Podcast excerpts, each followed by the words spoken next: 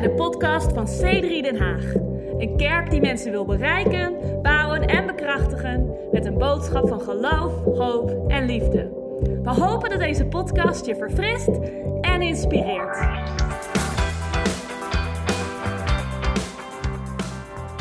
Twee in hoofdstuk 9, vers 6. En dan staat, en Paulus zegt, en dit zeg ik.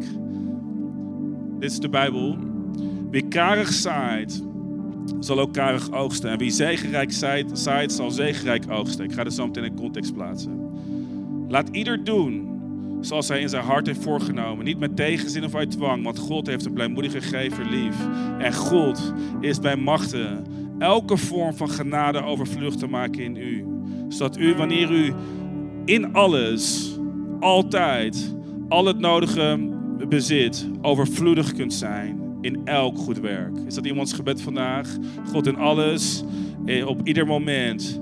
Dat ik het nodige zou hebben om overvloedig te kunnen zijn in dit goede werk. En Paulus heeft het hier over, over de genade, overvloedig maken. De genade, de gave van vrijgevigheid. Dan, staat, dan zegt hij, zoals geschreven staat. Hij heeft uitgestrooid en aan de armen gegeven en zijn gerechtigheid blijft tot een eeuwigheid. Vers 10. Hij nu, we hebben het over God, die de zaaier zaad verschaft mogen ook brood tot voedsel schenken en uw zaaigoed doen toenemen en de vruchten van uw gerechtigheid vermeerderen. Zo zult u in alles rijk worden. In staat tot alle vrijgevigheid, die door middel van ons dankzegging aan God teweeg brengt. Wat een inspirerende tekst. Laten we moment om te bidden. Vader God, we danken u op dit moment in de naam van Jezus voor het woord van God. Wat ons geen druk oplegt, maar wat ons helpt. God, om een gave aan te wakkeren, een gave van vrijgevigheid. Heer, we bidden, ik bid in deze kerk voor een vreugde in vrijgevigheid. Ik bid in deze kerk voor een vrijheid in ons geven.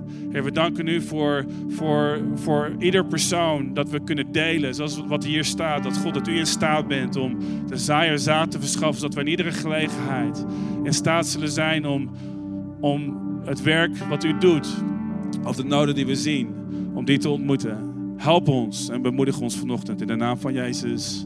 Amen. Dankjewel, Bo. Amazing. Dus daar wil ik het vanochtend over hebben. Wel, um, ik weet niet of er mensen zijn in de zaal die houden van sporten. En, um, maar ik kan één ding zeggen. Iedereen die houdt van sporten heeft een bepaalde liefde, maar ook een bepaalde haat-liefde relatie met sport. Dus vanochtend, uh, ik had een extra uur. Uh, en ik doe dit absoluut iedere zondagochtend. Maar vanochtend dacht ik, oké, ik heb hard gewerkt met de kinderen. Mijn ouders, overigens, mijn ouders zijn hier vandaag. Die zijn ons uh, dit weekend aan het helpen. Mag je best een applaus aan geven. Dat is fantastisch. Um, en ik dacht, weet je wat, ik ga gewoon even, ik neem een half uurtje op te sporten. Maar ken je dat gevoel, vlak voordat je gaat trainen, wat dan ook, dat gevoel, je spieren zijn koud, je voelt je, je hebt er geen zin in. Um, het gevoel wanneer je begint met, met trainen. Het is een, een irritant, een vervelend gevoel.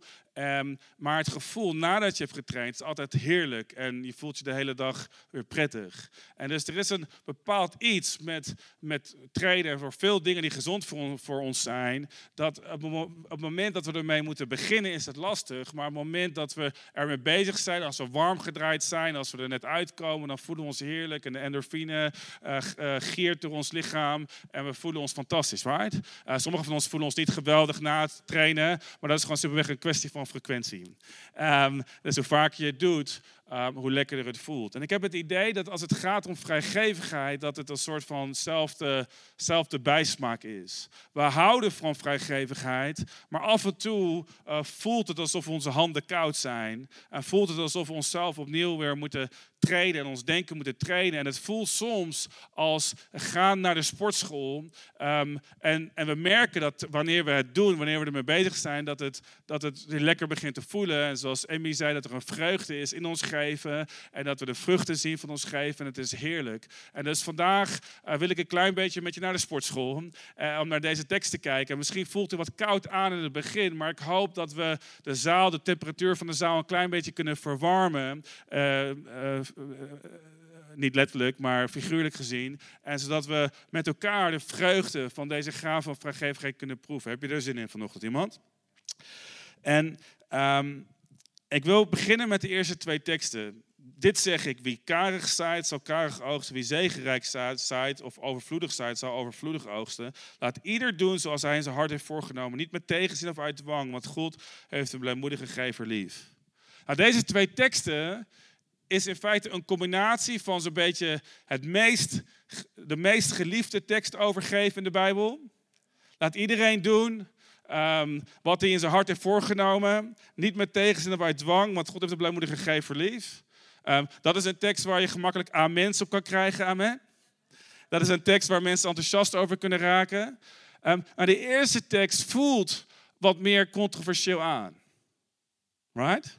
Die voelt wat lastiger aan. Wie, wie, Paulus, die, voordat hij een offer ophaalt van de kerk in Korinthe, zegt hij: Luister, ik wil dat je één ding in, in oogschouw neemt. Um, als, je, als karig zaait, zul je karig oogsten. Oh, thanks Paul. Uh, ik dacht dat, we, dat je een boodschap van genade predikte. Hier kom je weer met voor wat hoort wat. Het zaaien en oogsten. Wat is de deal? En ik denk dat we deze teksten soms, um, dat, die, dat die tweede tekst soms zo geliefd is, um, omdat we wellicht de eerste tekst misschien niet helemaal goed in het verband leggen met de tweede tekst. En wat hier staat is, wat ik heel interessant vind. Paulus zegt, hey, je bent volledig vrij om te doen wat je wil. En in deze kerk zeggen we, we willen dat niemand geeft, op wat voor manier dan ook. En als je trouwens een bezoeker bent, we spreken niet iedere week over geven. Er zijn twee weken uit het jaar waarin we, uh, we spreken iedere week wel enigszins over geven, maar waar we de preek, de talk gebruiken om ons uh, te helpen om gezond te geven. En een van de redenen overigens waarom wij onderwijs geven, overgeven, is want het het is enorm belangrijk om gezond te geven. Dus waar we het vaak over hebben, wanneer we het hebben over geven, is geef niet met tegenzin, geef niet vanuit dwang, want God heeft de blijmoedige gever lief. Is hier iemand enthousiast over? Maar in de context van van die zin zegt Paulus daarvoor, maar, maar bedenk, denk erover na. Je bent vrij om niets te geven, maar wie karig zaait, zal karig oogsten. In andere woorden, Paulus zegt, we zijn compleet vrij om te geven hoe we willen geven. Maar hij zegt, bedenk dat er in je geven een vreugde is. En wat is de vreugde? Wat de vreugde is aanbidding, maar de vreugde is ook de wetenschap dat terwijl we geven, dat God overvloedig voor ons zorgt. Is er iemand hier nog enthousiast over? Dus ten eerste, niemand hoeft te geven, maar de manier waarop we geven bepaalt wel op een bepaalde manier de mate van onze oogst. En ik denk dat de eerste gedachte ons helpt met de tweede gedachte: God heeft een blijmoediger gever lief. De, de, dit is een gedachte die ik met je wil delen. Dit is een beetje de kern van mijn boodschap vanochtend. Ik wil het met je hebben over zaaien en oogsten. En wat ik wil zeggen is, um, de oogst is niet de reden om te geven, maar de reden waarom ik kan blijven geven. De oogst is niet de reden om te geven, maar het is wel een reden waarom je kan blijven geven. En ik wil, vandaag, um, ik wil het vandaag met je hebben over het feit dat je vrij bent om je oogst te kiezen. Maar de oogst is er. De oogst is in feite de gave van vrijgevigheid die aan het werk is. Er is een wederkerigheid in geven en dat is nodig, want als er geen wederkerigheid is, ben ik niet in staat om te geven. Is die gave van overvloedigheid die naar me toe komt niet in staat om te werken in mijn leven. Dus uh, ben je klaar voor een aantal korte gedachten om dit uit te pakken? De eerste gedachte die ik vervolgens met je wil delen is: de oogst is een onmisbaar onderdeel van de gave van vrijgevigheid. De oogst is een onmisbaar onderdeel van de gave van vrijgevigheid. In andere woorden, ehm, in de vruchten van mijn geven zit het zaad om vrijgevig te zijn in de toekomst. Right? Dus, dus, dus als ik geef, dan, dan, dan stelt dat me in staat om in de toekomst vrijgevig te zijn. Dus vrijgevigheid, mensen, is geen geen eenmalig moment, maar vrijgevigheid is een continu proces. Ik geloof met heel mijn hart dat als ik begin om te zaaien, dat ik zou oogsten en dat ik zou oogsten om weer te kunnen zaaien. De oogst is niet het doel van mijn geven, maar de oogst is wel hetgeen wat mij vertrouwen geeft om te geven in vrijheid, vrijwillig en met vreugde. Zijn er vreugdevolle gevers in de zaal hier vandaag? Dus de hele cyclus van zaaien en oogsten is essentieel voor de gave van vrijgevigheid om te werken. De hele cyclus is nodig. En ik denk dat heel veel goedbedoelende christenen zeggen: Ja, luister, pastor, ik, ik geef niet om te ontvangen. Wow, good for you. Hetzelfde geldt voor mij. Eh, mijn primaire reden om te geven is niet om te ontvangen. Maar terwijl ik geef, geef ik met het vertrouwen dat ik zal ontvangen, omdat God voorziet naar mijn noden, naar zijn rijkdom in heerlijkheid. Omdat ik geloof dat Gods roeping voor ons leven is om gezegend te zijn, om een zegen te zijn. Zie, ik denk dat de boodschap van, oh God wil dat het goed met je gaat, zo controversieel kan zijn en zo controversieel is, omdat, omdat we heel erg vaak in ons menselijk denken, gelijk denken, oh het gaat om mij. En ik denk dat God ervan geniet als je een geweldig leven hebt, begrijp me niet verkeerd. Maar ik denk ook dat God een veel groter perspectief heeft dan ons leven. Voor sommige tieners onder ons is het misschien een openbaring, maar het leven gaat niet om jou. Eh, voor sommige jongvolwassenen is dat wellicht een, een, een, openbaring. Voor sommigen van ons die getrouwd zijn is dat wellicht een openbaring. Het leven draait niet om mij. Dus als God mij overvloedig wil zegenen, is het belangrijk om te realiseren. Gods perspectief is niet alleen maar Lucas de Vreugd Ministries. Gods perspectief is, is de wereld. En zie ik geloof heel superweg dat God zegent um, wat vermenigvuldigd kan worden.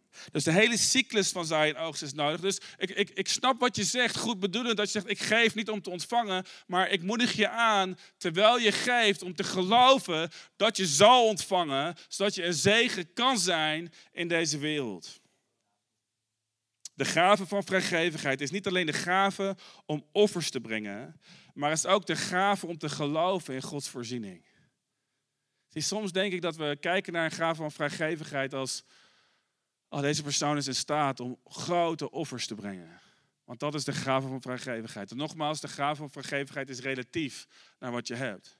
Jezus sprak een vrouw aan, een weduwe, die een graaf had van vrijgevigheid. Ze gaf weinig in de ogen van de wereld, maar ze gaf veel in de ogen van God. Want ze had een, zij had niet alleen maar het hart om een offer te brengen, maar ze had geloof nodig om dat offer te brengen. En Jezus was onder de indruk van het offer waar geloof in zat. Want Jezus zag dat het werkte. Er kwam ooit een keer iemand naar me toe die zei: Lucas, um, mijn pastor heeft mij geleerd om mijn tiende eh, te brengen. Dus of, of ze zei het op een manier, um, ik werd door mijn pastor verteld om mijn tiende te geven. Dus ik deed het en vanaf dat moment ging het minder met me.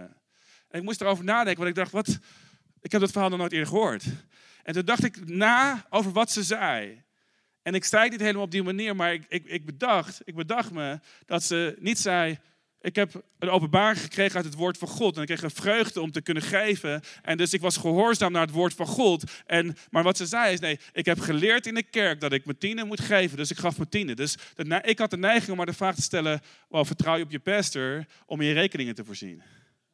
Want om heel eerlijk te zijn, als je geeft op het woord van je pastor, eh, zal je, zal, zal je wellicht je pastor moeten aanspreken op de verantwoordelijkheid om, om de wederkerigheid te zien. En zie, ik, ik geloof heel erg simpel. Mijn, geloof is niet heel erg ingewikkeld. Ik geloof dat als mensen geven, bewogen door God, in eigen beweging, in vrijheid, zonder manipulatie, maar geïnspireerd door God, door een woord wat God in hun hart heeft gelegd. En ik geloof dat als mensen het geloof hebben om een stap te nemen, dat, het, dat God zal voorzien. Want God is betrouwbaar.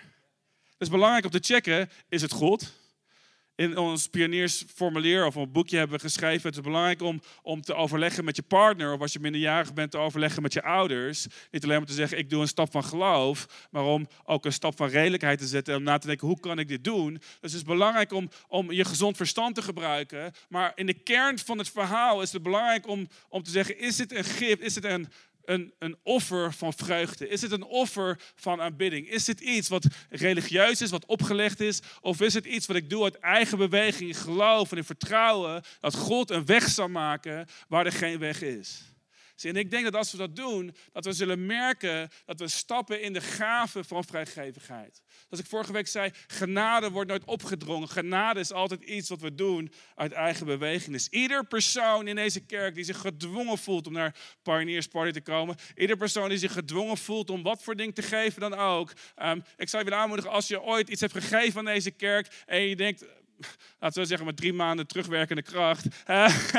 ik begon me te realiseren, oh, dit kan heel erg risicovol worden. Maar als je tiende geeft en je begint te geven, na drie maanden zeg je, weet je wat, ehm, dit is niet voor mij. Ehm, stuur ons een mail en je krijgt je geld terug. Want ik wil niet dat iemand zegt, ik, ik ben gedwongen om te geven.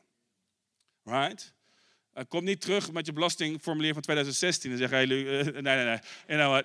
Uh, dat gaat niet helemaal werken. Maar, maar ik geloof dat het zo belangrijk is dat we geven niet opdringen. Omdat we, we missen de vreugde van het avontuur van geloof. Het is geloof dat werkt. Het is niet zozeer alleen maar ons geven, het is geloof wat werkt. Het is geloof wat vreugde geeft. Dus de, gave, de van vrijgevigheid is niet alleen maar de gave om offers te brengen, maar ook de gave om te geloven in Gods voorziening. Geloof je het? Ja, oké. Tweede gedachte. De oogst begint altijd als een zaad. Luister naar wat ik zeg. De oogst begint altijd als een zaad.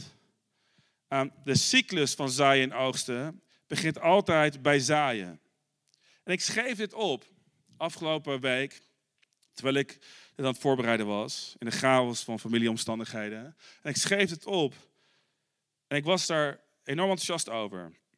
En toen dacht ik, hmm, beste Lucas, nee, dat denk ik niet. Ik dacht, eh, nee Lucas, is dat nou werkelijk wel, is dat werkelijk wel waar? Begint de oogst altijd bij een zaad? Dus ik begon na te denken over het verhaal van de schepping. Wat je ook gelooft over het verhaal van de schepping. En Mozes schreef het uh, verhaal van de schepping op. En Um, uit inspiratie van de Heilige Geest uiteraard.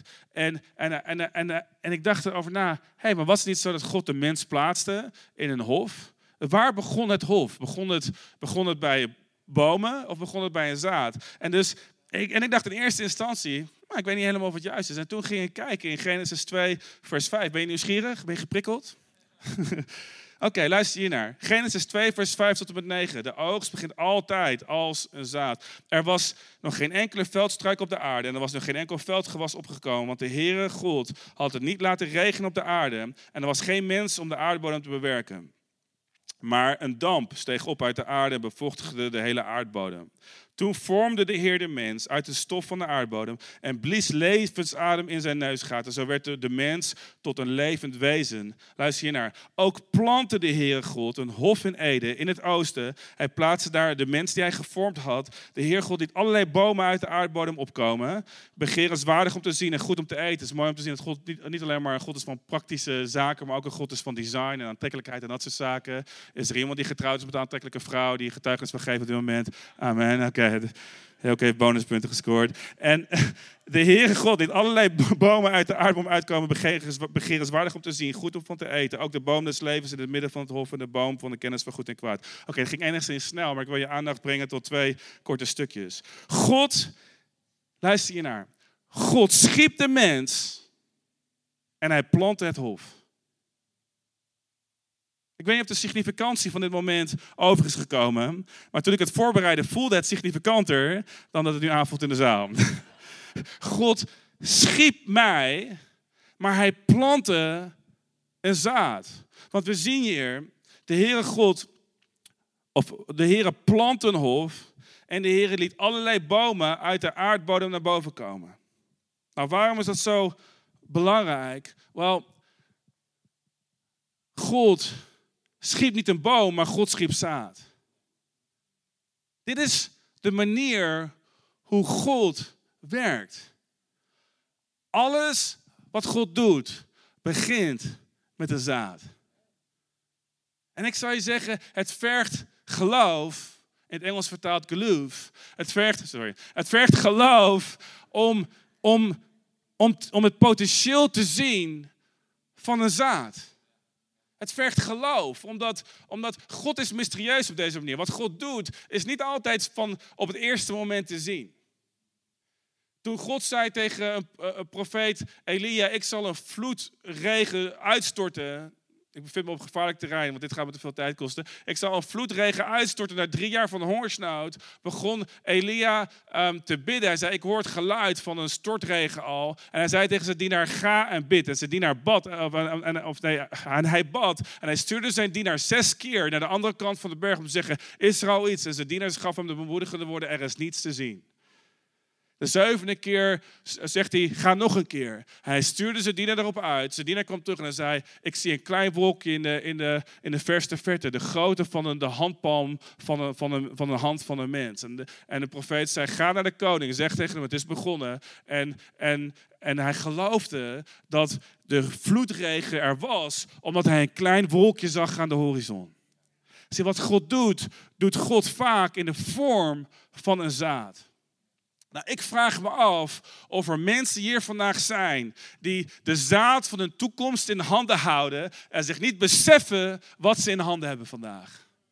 En dit geldt niet alleen maar voor je geven, maar dit geldt voor waar je tijd in investeert. Dit geldt voor je talenten. Dit geldt voor de talenten die God je heeft gegeven. Wat God doet, doet hij bijna altijd in de vorm van een zaad. Dus, dus er zijn zaden binnenin ons waar we geen besef van hebben, die we de neiging hebben om te onderschatten, waarvan we denken, God, u heeft me zoiets kleins gegeven, ehm, hoe zou u dit kunnen gebruiken? Maar zie, God is een God van vermenigvuldiging van zaden. Een oogst begint altijd bij een zaad en het vereist geloof. Wij zijn gemaakt in Gods evenbeeld, zodat wij verder zouden kunnen planten, zodat wij het hof zouden kunnen vermenigvuldigen, zodat wij de zaden zouden kunnen nemen van de vruchten die God ons gaf en dat we die konden zaaien in de aarde, zodat, zodat het zal vermenigvuldigen. Wij zijn gemaakt in het evenbeeld van God om op dezelfde manier te werk te gaan zoals God zaad pakte en de, en planten op de aarde. Zo zijn wij geroepen om het zaad van ons leven te nemen en dat te planten en daarin te vermenigvuldigen. Is er iemand enthousiast over? Dus wij zijn niet geplant, wij zijn gemaakt in het evenbeeld van God, omdat wij zijn gemaakt als God hier op aarde om, om te vermenigvuldigen. Maar wat, wat we doen, wat we vermenigvuldigen in ons leven, begint met een zaad. God schiep de mens en hij plant een hof. Ik, ehm, ik ben, om heel eerlijk te zijn, zal je verbazen, nooit een gadgetman geweest. Verbaast het je? Ik, ik heb serieus, toen ik jong was, ik voel me nog steeds jong, maar als kind, als tiener, eh, was ik nooit bezig met gadgets. Ik had nooit een computer, PDA, dat soort dingen. Ik, ik, stopte mijn geld in allerlei andere onzinnige dingen. Um, en, um, en, op een gegeven moment, in, ik, weet ik weet het nog zo goed, in 2001, 2002, zag ik in de winkelschappen de nieuwe iBook van Apple liggen. En om eerlijk te zijn, er was iets met die iBook. Dat is die oude vierkante, dat is heel lang geleden. Er was iets met die computer wat anders was. Het was geen computer gemaakt voor computermensen. Het was een computer gemaakt voor creatievelingen. en ik, ik zag dat ding en ik dacht, hmm, interesting. En dus in 2002 had ik lang gespaard en uh, God gesmeekt, nee, just kidding. Maar ik had lang gespaard en ik begon met mijn studie in 2003. En ergens in 2002 kocht ik mijn eerste Apple computer, een iBook. Kostte me 1000 euro. Ik heb opgezocht ehm, wat het me had opgeleverd als ik geen 1000 euro die dag had geconsumeerd, maar als ik 1000 euro had geïnvesteerd in Apple aandelen. En er zijn handige websites voor. Dus ik, ik, zou mijn berekening ook niet vertrouwen. Maar er, is, er zijn blijkbaar meer mensen die opzoeken wat zou ik hebben uh, verdiend als ik in 2002 letterlijk um, ehm, 100 euro had geïnvesteerd in Apple aandelen. En wat blijkt er? Dat Apple aandelen op 2 januari 2002, dat de dag uh, dat de beurs sloot met Apple aandelen voor 23 eh, dollar en 30 cent per stuk. Dus voor 100 dollar zou je zo'n vier aandelen kunnen kopen. Nou, het artikel vertelt een artikel van Investopedia. Ik weet niet hoe betrouwbaar het is als je hier verstand van hebt. En het is um, niet betrouwbaar, laat hem achteraf even weten. Maar, um, maar dat op 16 oktober 2019 sloten de aandelen met 235 dollar en 67 cent. En vanwege allerlei ingewikkelde dingen die in het artikel eh, stonden, zou het aandeel uh, verdeeld, uh, vermenigvuldigd zijn naar 56 aandelen met een totale waarde van 13.000 dollar, 197, of 13.197 dollar en 52 cent. Dus ik dacht, vliegensvlug bereken ik eventjes. Als ik, 100 als ik 1000 dollar, als ik niet die Apple computer had geconsumeerd, maar als ik had geïnvesteerd in Apple, dan had ik 131.000 dollar 975 en 20 uh, eh, cent uh, hebben staan. Um, en, uh, en waarschijnlijk meer vanwege rente en, en, en opgebouwde rente en dat soort zaken. Dus een van de meest vruchtbare investeringen die ik zou kunnen hebben gemaakt, letterlijk en figuurlijk, heel houdt van woordgrapjes, zou een investering kunnen zijn in Apple, wat, snap je, um, wat, wat zou hebben gezorgd voor een enorme, enorme vermenigvuldiging. Maar zie, op dat moment zag ik het product van Apple en ik dacht, oh, amazing. En ik kocht het product en niet het bedrijf. Nou, um, ik denk dat het soms veel meer de moeite waard is om te investeren dan om te consumeren. En dit geldt voor het koninkrijk van God. En luister, ik denk dat het zo goed is als je persoonlijk een plan hebt. Ik heb totaal geen verstand van aandelen. Ik zal je daar niet in kunnen adviseren. Maar ik denk dat het zo'n goed plan zou zijn als je zegt: ik maak een gedeelte van mijn budget, uh, maak ik, uh, zet ik apart om te geven aan God. Ik zet een gedeelte van mijn budget apart om te investeren. En ik zet een gedeelte van mijn budget apart om te sparen. En ik leef van de rest. Misschien zou je op een gegeven moment, ik denk dat het voor iedereen, als je een lange termijn plan hebt, mogelijk zou zijn om te zeggen: ik geef 10% aan God, ik investeer 10%, en ik spaar 10%. En, en van het overige, dat je daarvan nog meer kan geven en dat je daarvan kan leven. Ik geloof dat het zelfs met een modaal of een lager dan modaal inkomen, als je het van jonge leeftijd begint te doen, dat het heel erg mogelijk is om daarvan te gaan leven vanwege dit soort dingetjes als, als rente op rente op rente op rente.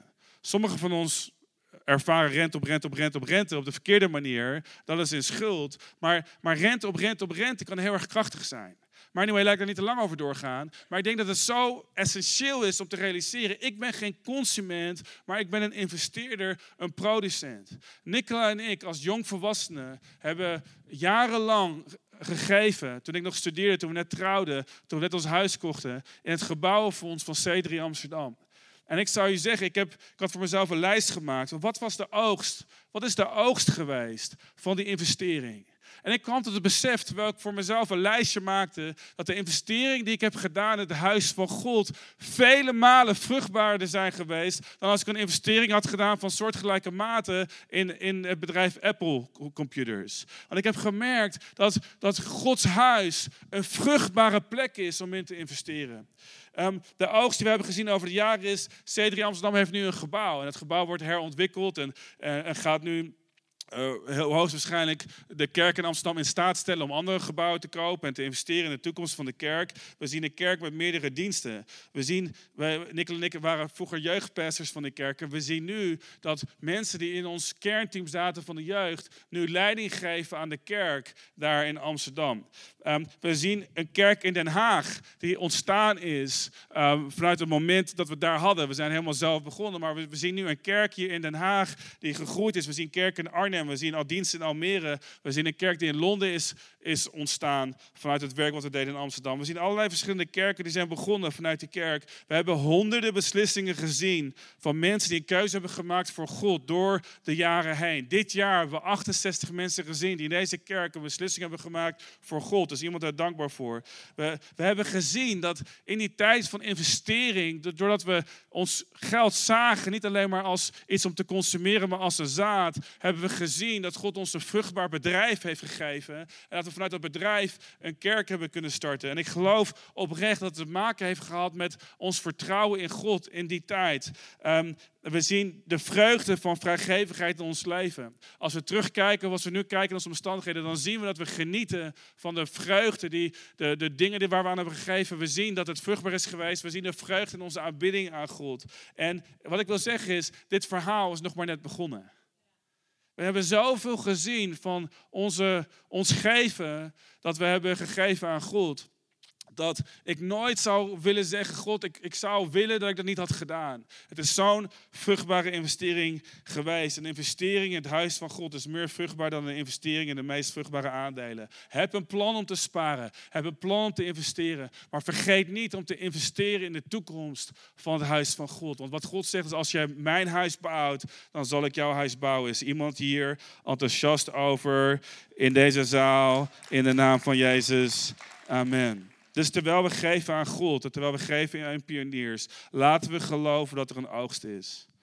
Laten we verlangen naar een overvloedige oogst. Een oogst in de kerk. Een oogst in het koninkrijk van God hier in deze stad. Een oogst van de vruchten van onze gerechtigheid en onze families en vrienden die we tot geloof willen zien komen hier in het huis. En laten we ook geloven in een oogst van onze financiën en hier op ons, in, ons werk. Omdat we geloven dat de oogst ons in staat stelt om opnieuw te zaaien. Wie is hier enthousiast over? Dus ik wil hier maar afsluiten. God is in staat om de gave van vrijgevigheid overvloedig te maken in mij. Ik wil de nadruk leggen met God is in staat. Paulus gaat verder en hij zegt, en God is bij machten elke vorm van genade overvloedig te maken in u.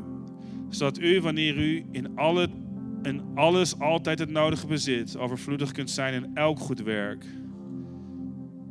Ik wil de nadruk leggen op God is bij machten. Ik heb het idee dat sommige mensen het idee krijgen dat mijn geven is mijn capaciteit. Mijn geven is, is iets wat ik moet doen op eigen kracht. De gave van vrijgevigheid is iets wat ik, wat ik moet beginnen. En ik denk dat het soms zo vaak neerkomt op menselijk streven. Maar ik wil je vertellen vandaag dat God zegt: Ik ben bij machten om jou elke vorm van genade overvloedig te geven. Ik ben ik ben bij machten om je overvloedig te zegenen op zo'n manier dat terwijl je begint om te stappen in een gave van vrijgevigheid, dat het zal vermenigvuldigen in je leven. Ik ben bij machten om je te helpen. Ik ben bij machten om te voorzien. Ik ben bij machten om je vreugde te geven. Ik ben bij machten om je te helpen om je commitment te vervullen. Ik ben bij machten als je, als je doet wat ik je vraag, als je doet wat ik in je hart leg. En wees niet gek en, en overleg het met mensen in je omgeving. En weet wat je doet en heb een plan, maar heb een plan met geloof. Maar zo ik vraag vragen wij ons af, God, ben ik in staat? Maar ik denk dat het belangrijk is om te zeggen, God, bent u in staat? En God zegt, ik ben in staat. Ik ben met machten om, om elke genade, ook deze genade overvloedig te geven in je leven. Zoveel mensen hebben geloof voor zoveel verschillende gaven. Gaven van profetie, gaven van genezing, allerlei verschillende gaven. Maar de Bijbel noemt vrijgevigheid als een gave die is tot opbouw van het huis van God. En ik geloof dat God in mensen de gaven aan het oproeren is om te zeggen, God, God is in staat om deze genade overvloedig te maken. Als je deze genade verlangt in je leven, ik wil tegen je zeggen, God is in staat. God is in staat, maar de vraag is of ik wil dat Hij mij in staat stelt. En dan zegt Paulus, Hij nu, die de zaaier zaad verschaft, mogen ook brood tot voedsel schenken en uw zaaigoed doen toenemen en de vruchten van uw gerechtigheid vermenigvuldigen. Als ik mezelf identificeer als een zaaier, als ik mezelf zie als een zaaier, dan ziet, voorziet God in mijn nood als zaad. De oogst, mensen, begint altijd bij een zaad. En zie ik mezelf als een zaaier, dan, dan ziet God mijn nood voor zaad. Ik geloof oprecht dat er mensen zijn met een verlangen die zeggen: God, ik wil meer doen dan ik nu kan. En God ziet je hart. Maar God vraagt je om te beginnen. Niet bij de oogst, maar om te beginnen bij het zaad. Om niet te beginnen bij de uitkomst, maar om te beginnen bij de gehoorzaamheid. Zij die getrouw zijn over het kleine, zullen aangesteld worden over meer. En ik geloof, zonder, zonder dat ik er te veel aandacht op, op wil scheppen, dat God ons hart zag toen we jong waren. Dat God ons hart zag toen we starters waren. En dat God zag dat we vertrouwen hadden in Hem. En ik kan je zeggen uit eigen ervaring, mijn God is in staat om deze genade overvloedig te geven in je leven. Ik denk dat voor sommigen van ons het goed is om iets groter te denken. Om iets meer te verwachten. Om te denken, God, u kunt meer in mijn leven. Bedankt voor het luisteren naar deze podcast. Wil je er op zondagochtend ook een keer bij zijn? Je bent van harte welkom. Ga voor meer informatie naar c3denhaag.nl